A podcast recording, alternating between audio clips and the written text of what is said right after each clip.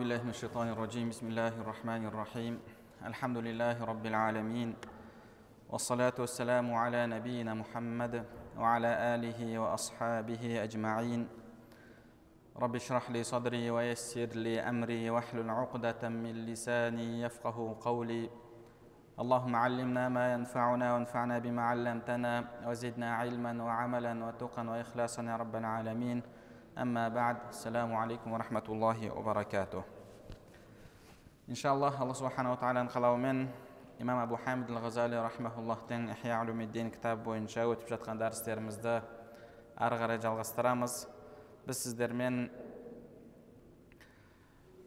адамның өзімен мәмілесінде жасауы керек болған атқару керек болған міндеттерді үйреніп жатырмыз және ол міндеттердің ең біріншісі әл мушарата яғни адамның өзімен шарттасуы өзіне міндеттердің міндеттерді жүктеу екендігін білдік. Және екінші қадам ретінде адам өзін қадағалауы керек екендігін үйрендік. Және үшіншісі әл мухасаба яғни кешке адам өзінен есеп алу керектігін тағы да үйрендік.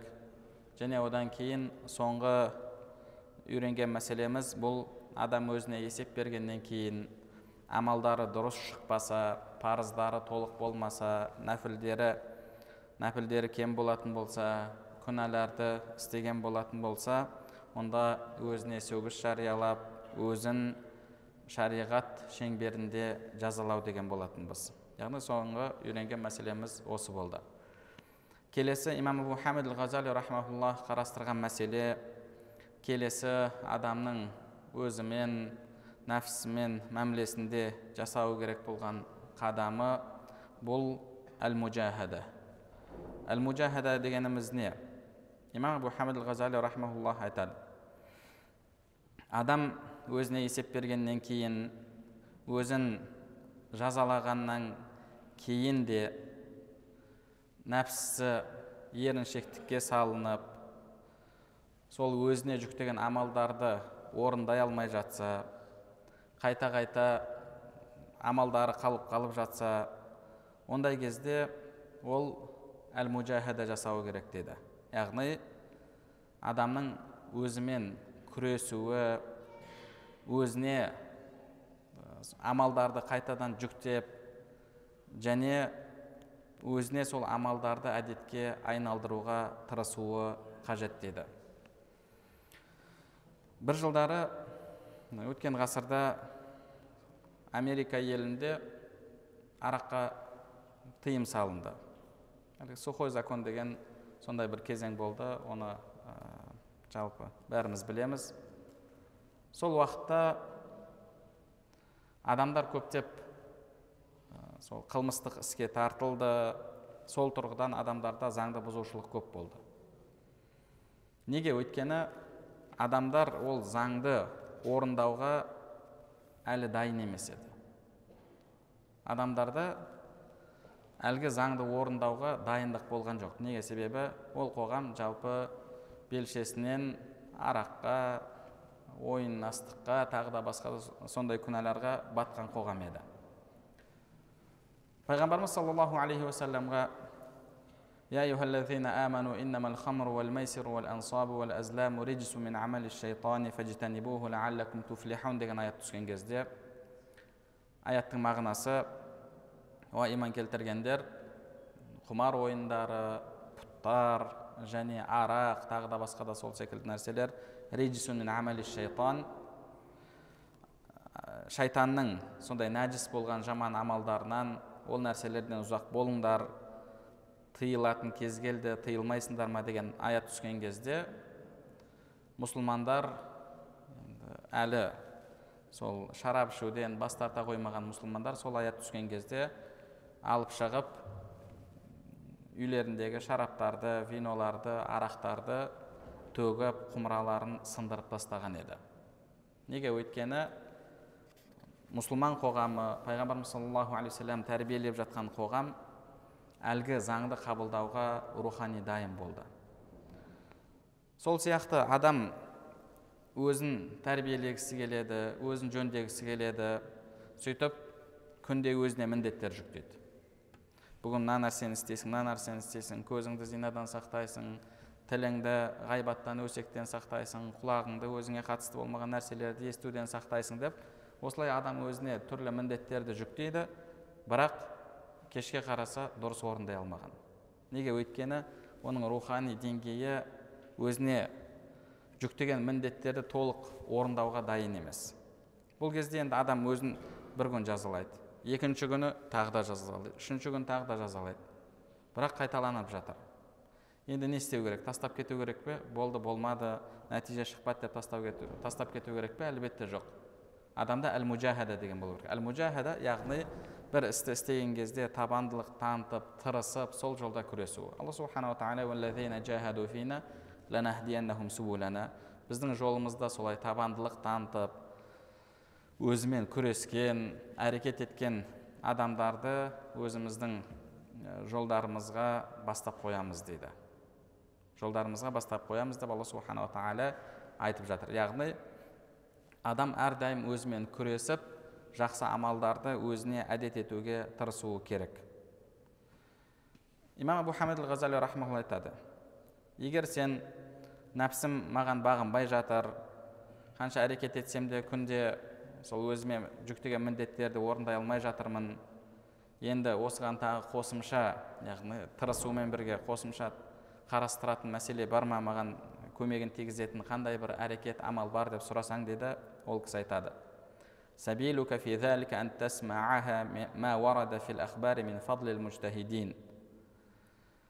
Оның тағы бір жолы алдын өткен ізгі сахабалар табииндер әтбаат табииндер тағы да басқа да ізгі имамдарымыздың осы құлшылықта қандай керемет болғандығын олардың құлшылық жасауда қандай табандылық танытқанын құлшылық жасауда тұрақты болғандықтарын есту үйрену деді және егер мүмкіндігің болатын болса сондай құлшылығы ерекше болған күндізі мысалы ораза түндері тәхәжүдте өткен әр уақыт алла, алла тағаланың зікірінде болған сондай ә, түрінен жүрісінен әрекетінен ізгіліктің тақуалықтың нышаны көрініп тұратын адаммен дос болу сол адамның сұхбатында болу дейді сол адамның сұхбатында болу сол адамға қарап сол адамнан әсерленуге тырысу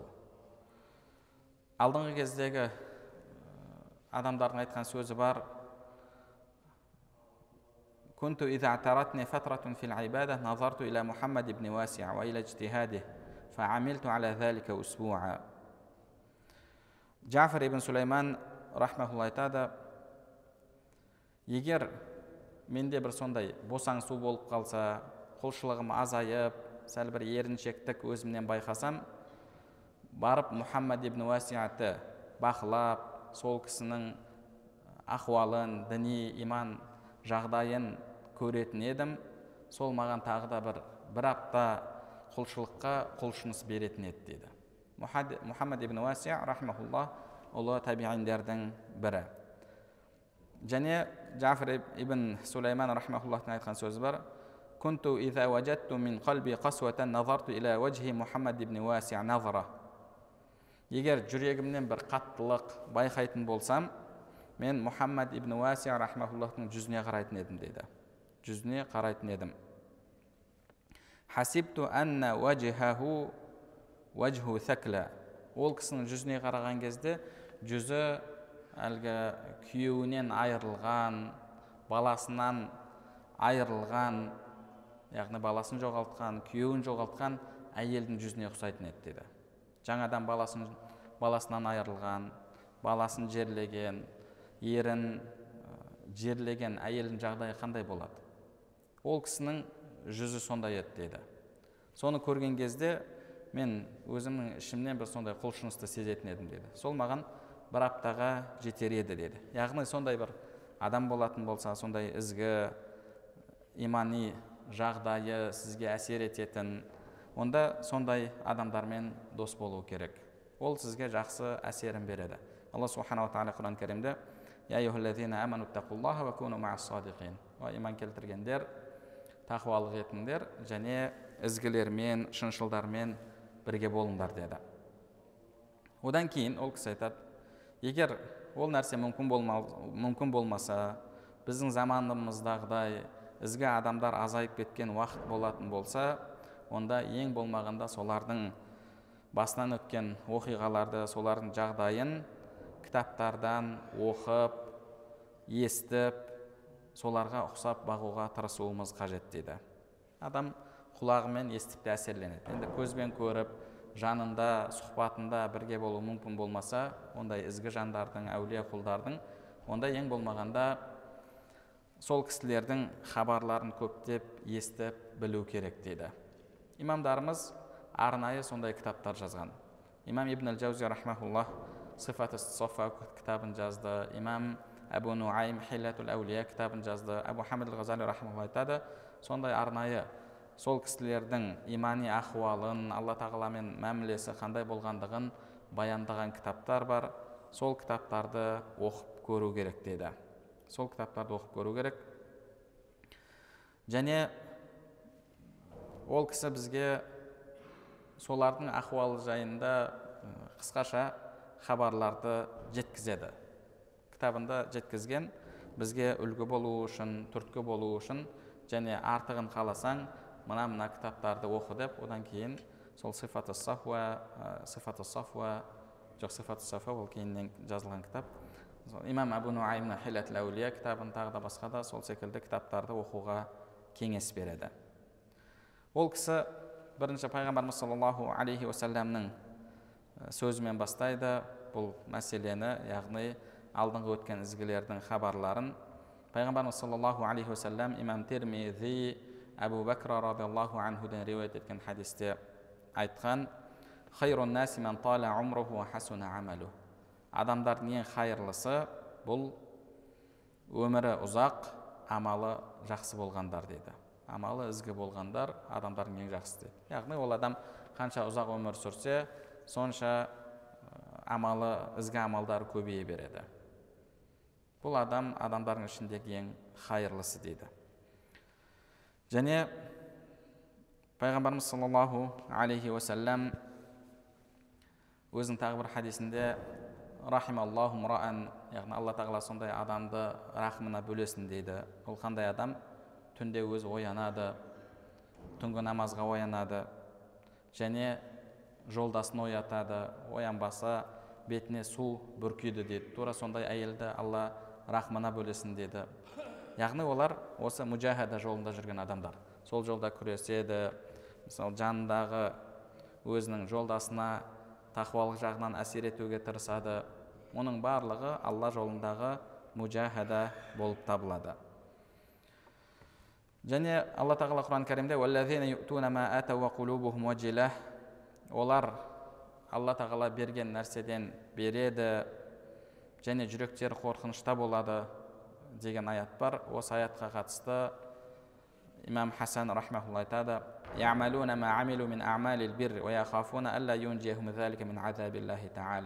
олар ізгі амалдарды жасайды бірақ сол ізгі амалдары оларды тозақтан құтқара алмай қалады ма амалдарым қабыл болмай қалады ма деп қорқады деді. Яғни олар күнә істеп зина жасап арақ ішіп жүріп қорқып жүргендер емес намаз оқып оразасын тұтып зекетін беріп қажылығын жасап түнгі намаздарды оқып жүріп сол амалдарымыз қабыл болмай қалады ма деп қорқатындар. Али радиаллаху анху имам ахмад риуаят еткен осы бір хабарды айтады. Оны имам ахмад зухуд кітабында риуаят етеді.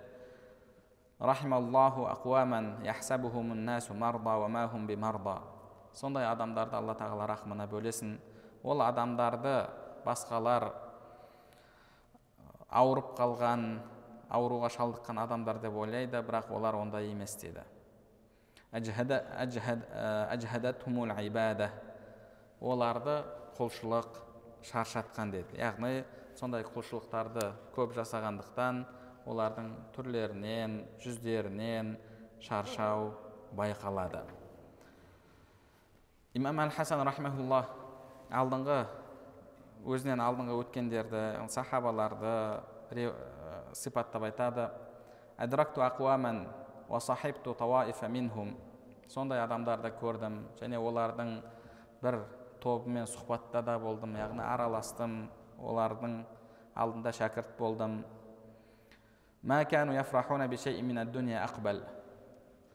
Ешқандай бір келген дүниемен қуанбайтын еді және қолынан шығып кеткен ешқандай бір дүние үшін қиналып қайғырмайтын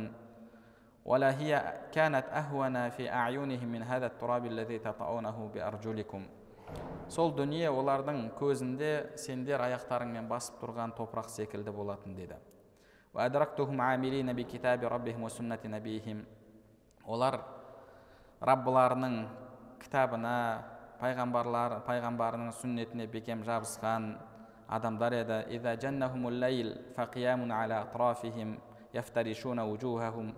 Түн болса олар қиямда тұрып жүздерін жерге төсейтін еді дейді. Қиямда тұрады және сәждеде болады. Және жүздеріне жастары ағатын.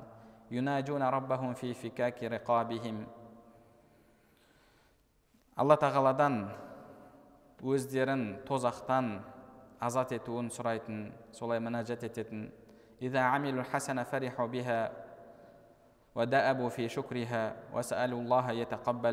Егер бір жақсы амал істесе сол амалы үшін қуанатын және сол үшін аллаға шүкіршілік ететін алла тағаладан сол ізгі амалдарын қабыл етуін сұрайтын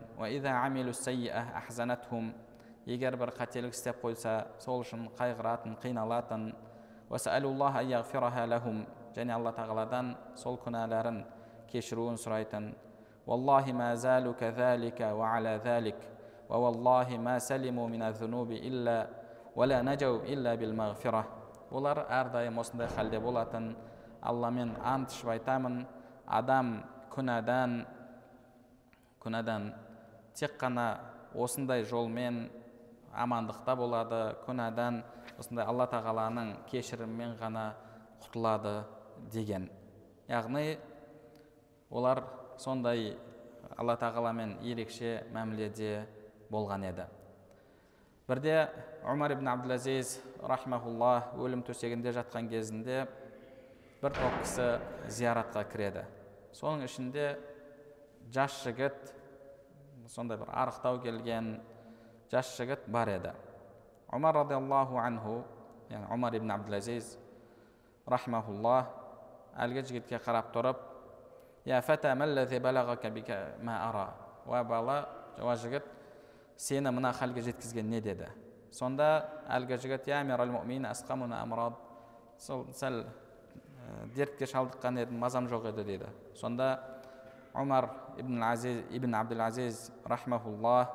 рахмаулла алла тағаланың атымен сенен сұраймын маған шыныңды айт деді өлім төсегінде жатса да сол адамның халін біліп бір пайда алғысы келіп жатыр еді сонда әлгі жігіттің айтқан сөзі я мен бұл дүниенің тәтті нәрселерінің дәмін көрдім бірақ оның дәмі ащы екен сол үшін бұл дүниенің қызығы бұл дүниенің тәтті нәрселері мен үшін менің көзімде болмашы нәрсе болып қалды. Және бұл дүниедегі тас пен алтын екеуі бір нәрсе болып қалды.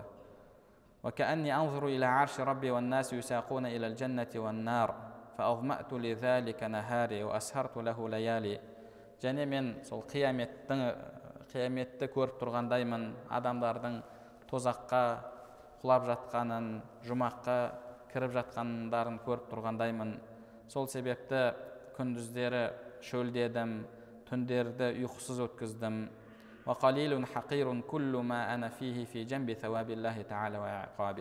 Және мені бұл істеп жатқан нәрселерімнің барлығы алла тағаланың жұмағымен алланың рақымымен мейірімімен ертең қияметте беретін жақсылығымен және тозақта күнәһарларға дайындаған азабымен салыстырғанда еш нәрсе емес деп жауап берген.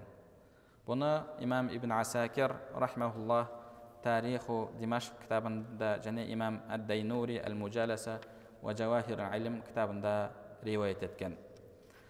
Алдыңғы үлкен ғұламалардың бірі имам масруқ жайында әйелі айтады масруқ көп намаз оқығаннан аяқтары ісіп кететін еді деді. Яғни пайғамбарымыз саллаллаху алейхи уассаламға ол кісі тырысып бағатын.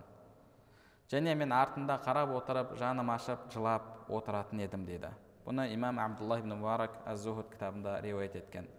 Әбу дарда радиаллаху анхудың мынандай сөзі бар. Егер бұл дүниеде үш нәрсе болмағанда бұл дүниені жақсы көрмес едім бұл дүниеде өмір сүруді қаламас едім дейді сондай ыстық күндерде алла жолында шөлдеу дейді яғни ораза тұту ыстық күндері. Және түннің қақ ортасында алла тағалаға сәжде жасау дейді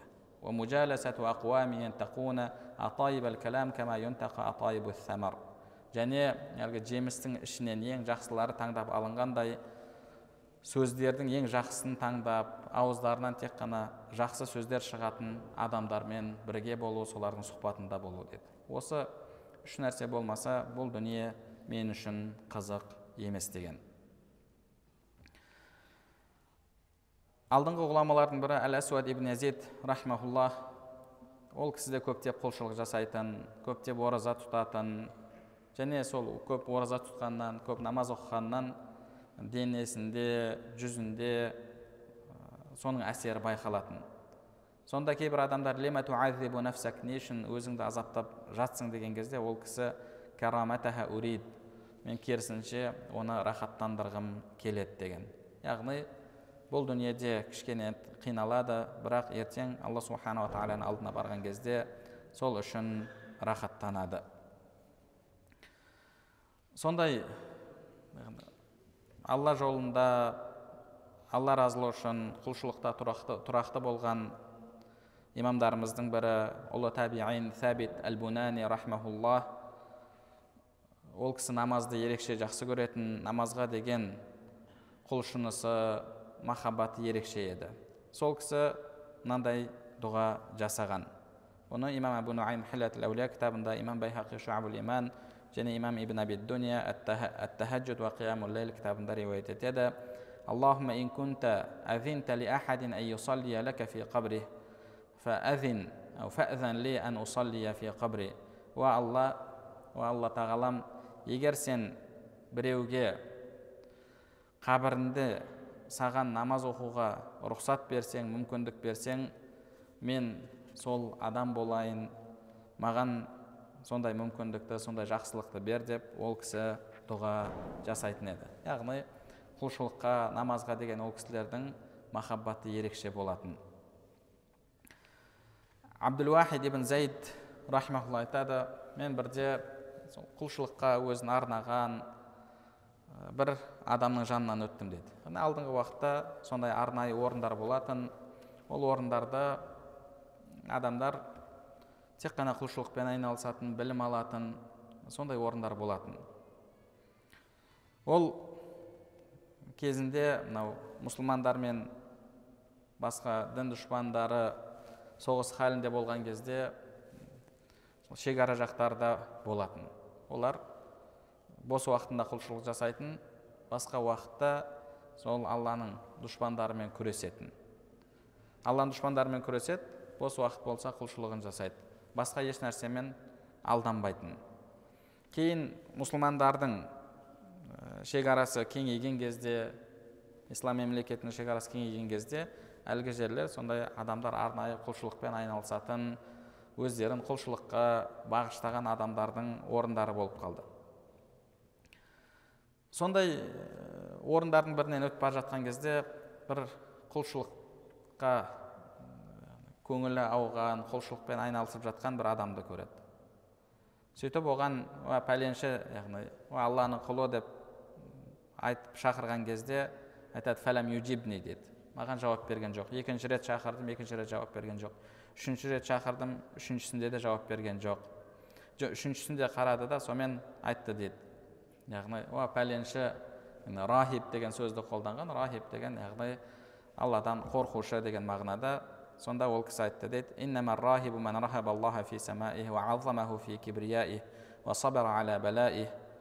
шынайы алладан қорыққан адам ол алла тағаланың ұлықтығын сезінген адам алланың қиыншылықтарына сабыр еткен адам алланың тағдырына разы болған адам нығметтеріне шүкіршілік еткен аллаға мақтау айтқан алланың ұлықтығын сезініп кішіпейіл болған және алланың құдіретін құдіретін мойындап өзін аллаға тапсырған және ертең қияметте болатын есеп қисапты пікірлеген күндіз, күндіздері ораза түндері тәхәжүдте намазда болған. Және тозақты еске алу ол адамның ұйқысын азайтқан сол адам шынайы құдайдан қорыққан адам деді. Ал мен болсам деді мен болсам сондай бір яғни бір ит сияқты біреумін сол адамдарға зияны тиіп кетпесін адамдарды қауып алмайын деп өзім сол адамдардан алшақ ұстап жүрген біреумін деді. Яғни сонша құлшылықпен айналысып жатса да өзіне деген көзқарасы мен бір күнәһар пендемін. Адамдармен аралассам адамдарға тек қана зияным тиетін бір адаммын деп көреді. Сонда мен оған сұрақ қойдым дейді неге адамдар алла тағаланы таныса да аллаға құлшылықтарын сондай ерекше етіп жасамайды? Алла тағала мен адамдарды адамдардың арасын үзіп тұрған нәрсе не деген кезде әлгі кісі айтты дейді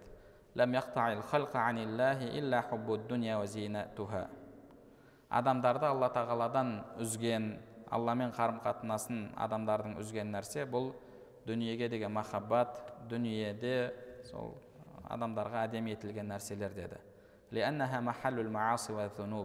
Сол себепті адамдар күнәларға түседі деді. Күнәларға түседі. Сондай күнәларды істеп жүріп кейін тәубе еткен адамдардың бірі атабатул ғулам деген кісі. Сол кісі де ерекше құлшылықта болатын өзі жас болса да күнде ораза тұтатын түндері намаз оқитын анасы жаны ашып сәл өзіңе жұмсақтау болсайшы сәл өзіңе жаның ашса деген кезде ол кісі айтқан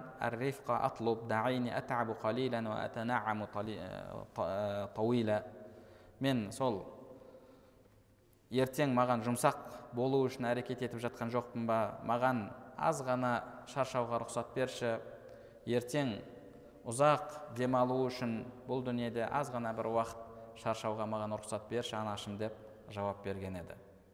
Яғни бұл дүние қанша өмір сүрсек те сондай қысқа дүние. Бұл дүниеде адам шаршаса иншалла құлшылықпен өмірін өткізетін болса ертең алла субханала тағаланың алдында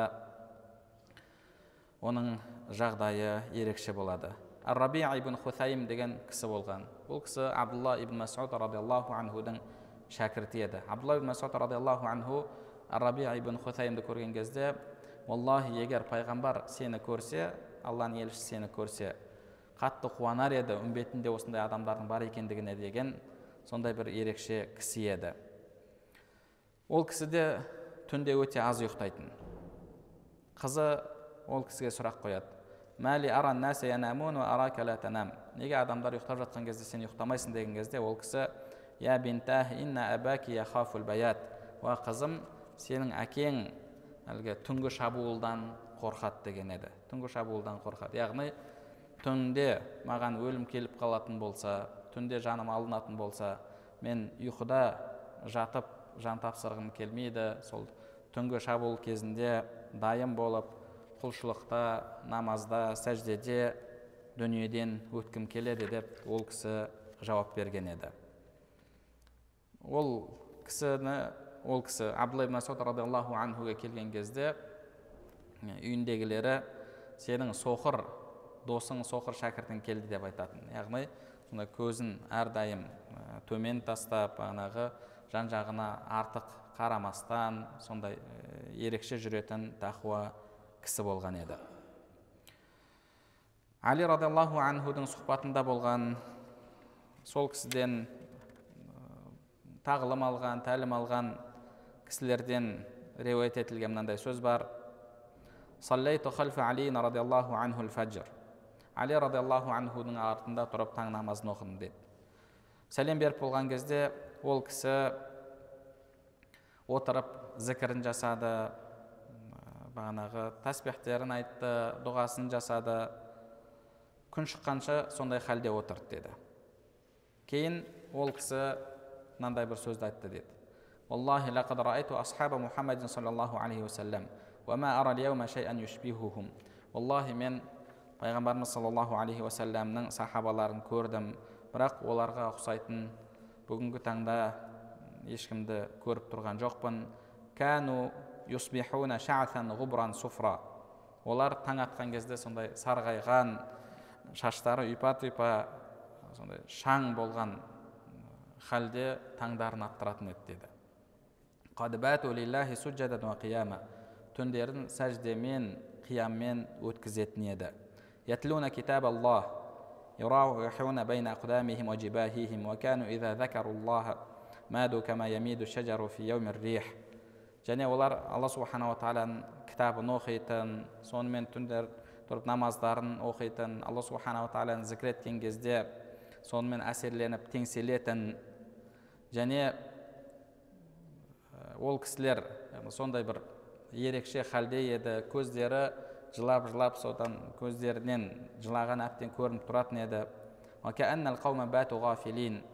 Ал қазіргі адамдарды қарасаң оларда ешқандай бір уайым қайғы жоқ сияқты деді уайым қайғы жоқ сияқты деген сөзді ол кісі айтқан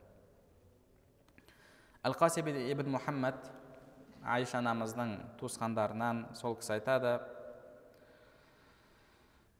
бір күні айша анамызға зияратқа бардым дейді барып амандасып кетейін деп барсам сол кісінің інілерінен әбу бәкір радиаллаху анхудың немересі намаз оқып жатыр екен деді духа намазын оқып намазда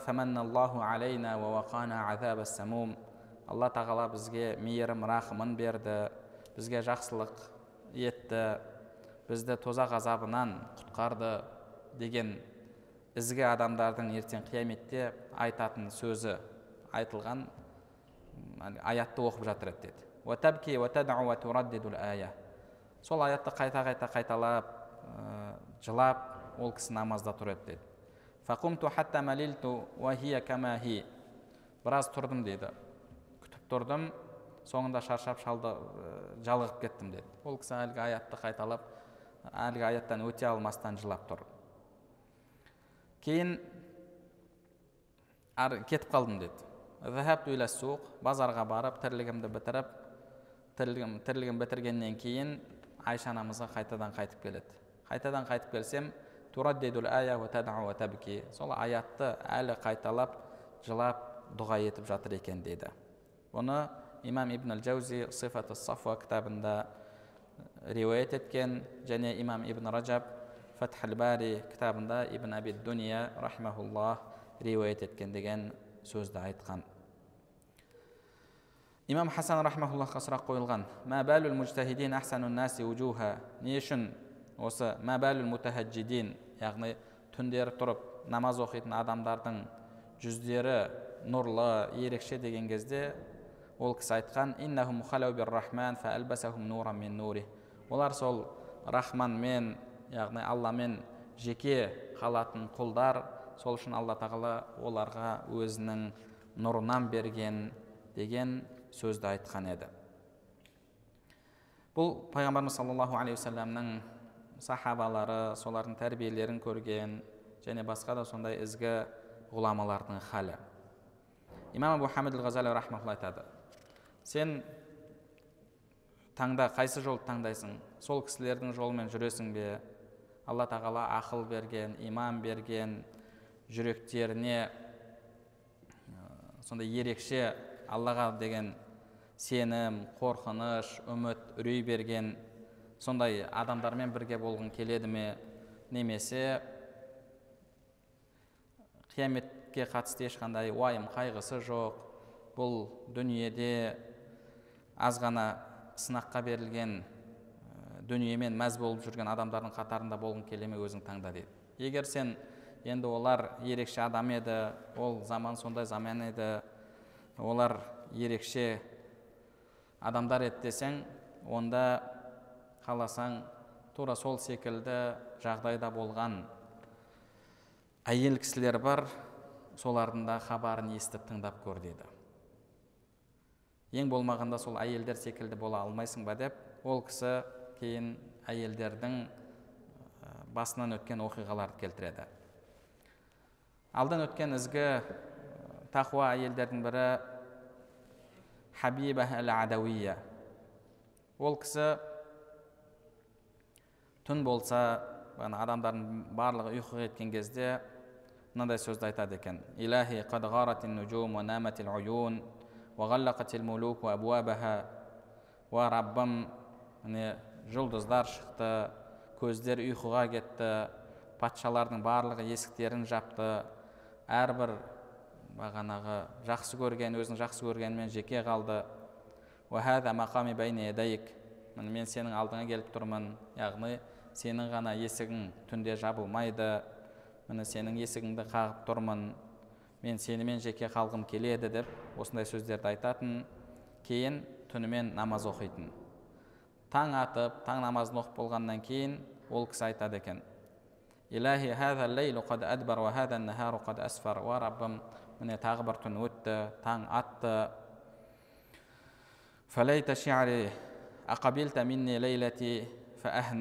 уа раббым осы түнімді менен қабыл еттің бе?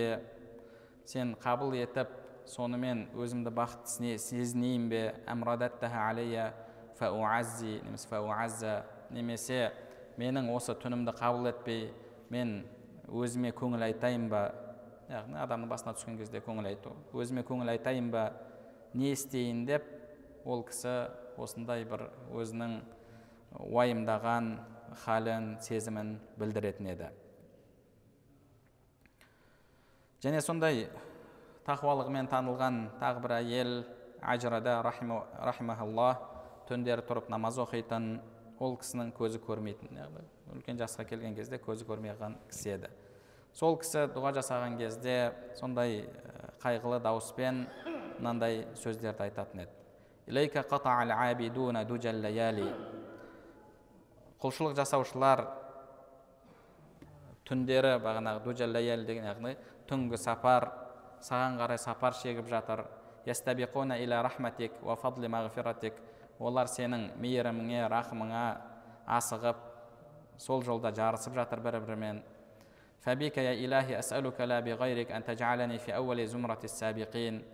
о алла өзіңнің өзіңмен ғана сұраймын өзіңнен басқа мен сұрамаймын. Мені сол жарысушылардың ең алдыңғылардан ет.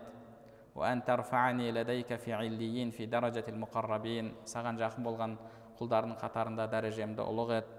Мені ізгі құлдарыңның қатарында ет. Сен мейірімділердің мейірімдісің. Ұлылардың ұлысысың және жомарттардың ең жомартысың.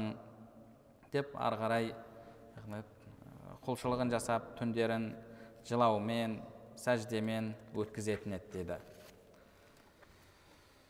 убайдулла ибн әл хасан рахмаулла айтады менде римдік яғни сол римдіктерден қолға түскен кейін исламды қабылдаған күң бар еді дейді.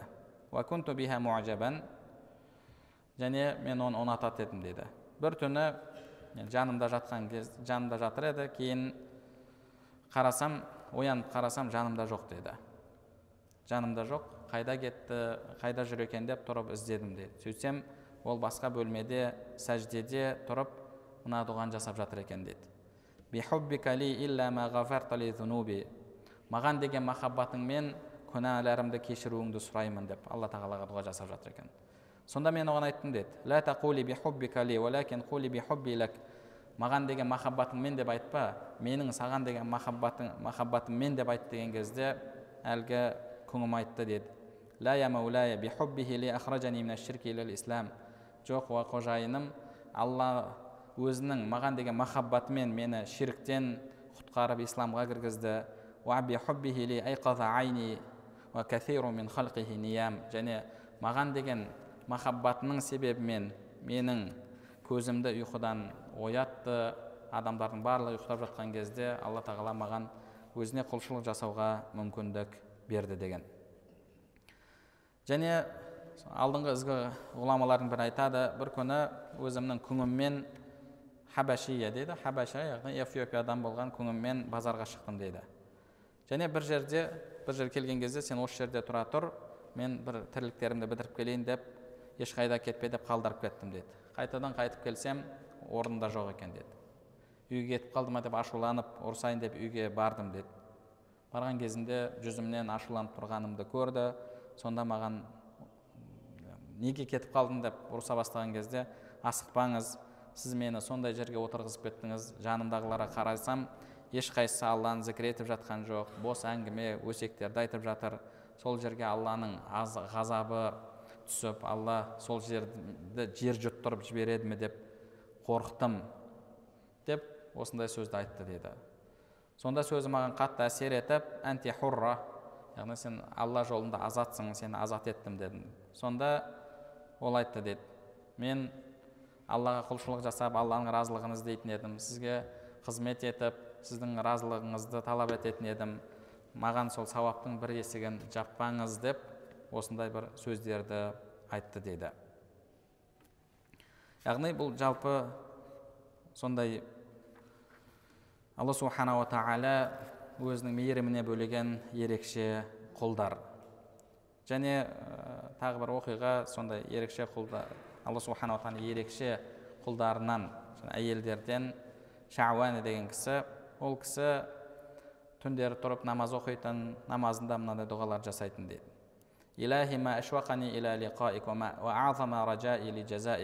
إلهي ما أشوقني إلى لقائك وأعظم رجائي لجزائك وأنت الكريم الذي لا يخيب لديك أمل الآملين ولا يبطل عندك شوق المشتاقين раббым мен сенімен қауышуға сондай бір ерекше сағыныштамын және ертең иншалла сенің мейіріміңе рахымыңа бөленемін деген үмітім ерекше сен сондай жомартсың сен үміт еткендердің үмітін жоққа шығармайсың оларды үмітсіз етпейсің және сені сағынғандардың сағынышын зая кетірмейсің إلهي إن كان دنا أجلي ولم يقربني منك عملي فقد جعلت الاعتراف بالذنب وسائل عللي уа алла егер мен ажалым жақындаған болса және амалдарым мені саған жақындатпаған болса онда сол күнәларымды мойындауымды сол үшін жылап қайғыруымды саған жақындайтын бір амал еттім егер мені кешірсең сенен артық кешіруге лайық кім бар ал егер мені азаптасаң онда сенен әділ азаптаушы кім бар илахи қад جرت على نفسي في النظر لها وبقي لها حسن نظرك فالويل لها إن لم تسعدها раббым мен өзімнің нәпсіммен дұрыс бола алмадым яғни дұрыс қарай алмадым. Бірақ сенің дұрыс назарың болса екен егер нәпсімді бақытқа кенелтпесең онда оған өкініш болсын. Барран айяма алла бұл дүниеде сен маған бүкіл жақсылығыңды үйіп төгіп бердің. Енді өлгеннен кейін сол жақсылығыңды менен үзе көрме. ولقد رجوت ممن تولاني في حياتي بإحسانه أن يشفعه عند مماتي بغفرانه бұл дүниеде маған жақсылық жасаған сенен дүниеден өткен кезімде кешіруіңді үміт етемін илахи кайфа айасу мин хусни назарика бада мамати валам дулини иллал джамила фи хаяти о алла ақиретте маған назарыңның жақсы болуынан қалай күдер үземін бұл дүниеде сен маған тек қана жақсылықтарыңды берген жоқсың ба?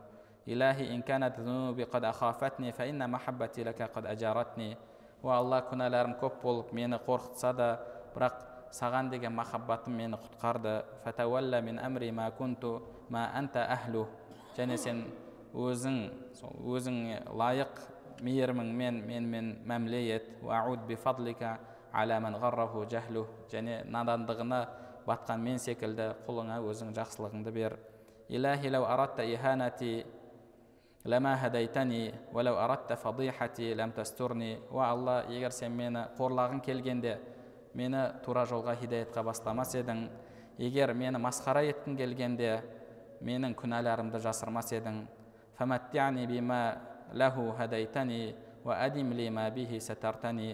Және сол хидаятқа бастаған исламыңның яғни дініңнің рахатын көруді маған нәсіп ет және менің күнәларымды жасырдың сол жасыруыңды маған дайым ет яғни тұрақты ет.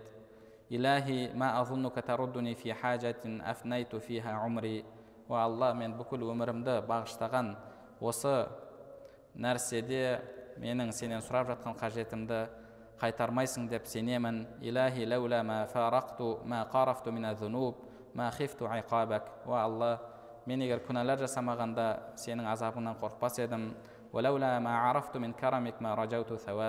Және сенің мейірімді рахымыңды екеніңді сенің мейірімді рахымды екеніңді білмегенде сенің сауабыңды үміт етпес едім деп осындай керемет дұғаларды айтып түндерін құлшылықпен өткізетін еді деді. Имам абу хамид ғазали рахмаулла бұл адамдардың мысалын бізге сол үлгі болу үшін ә, риуаят етіп жеткізіп жатыр. Және соларға ұқсап бағуға тырыс өзіңнің заманыңдағы адамдардың халіне қарама ертең қияметте олар сен үшін жауап бермейді сен өзің үшін жауап бересің. Сол үшін де өзіңнің замандастарыңа ұқсап емес сол алдыңғы өткен ізгілерге ұқсап өмір сүр деп бізге осы әл мужахада бабында солардың оқиғасын келтіріп жатыр. Яғни жалпы адамның иманын күшейтуге сол күнделікті өзіне міндеттейтін амалдарды жүктейтін міндеттерді жасауға көмектесуіне сол істерде тұрақты етуге көмектесетін ең үлкен нәрсе бұл түнгі намаз әрдайым зікірде болу құлшылықта болу әсіресе сол түнгі намаз адамның иншалла адам жалпы иманын ерекше күшейтеді ерекше арттырады сол үшін де әл мужахада яғни адамның өзімен күресіп иманның ләззатын сезінуге тырысуы. Иншалла алла субханала тағала бәрімізді соған лайық етсін. Және осы әл мұрабата мәселесінде нәпсімен мәміле мәселесінде соңғы қадам қалды. Адамның жасау керек болған. Оны иншалла келесі дәрісте үйренеміз. Алла субханала тағала бәрімізге пайдалы білім нәсіп етсін білімдерімізге амал етуімізді және амалдарымыздың қабыл болуын нәсіп етсін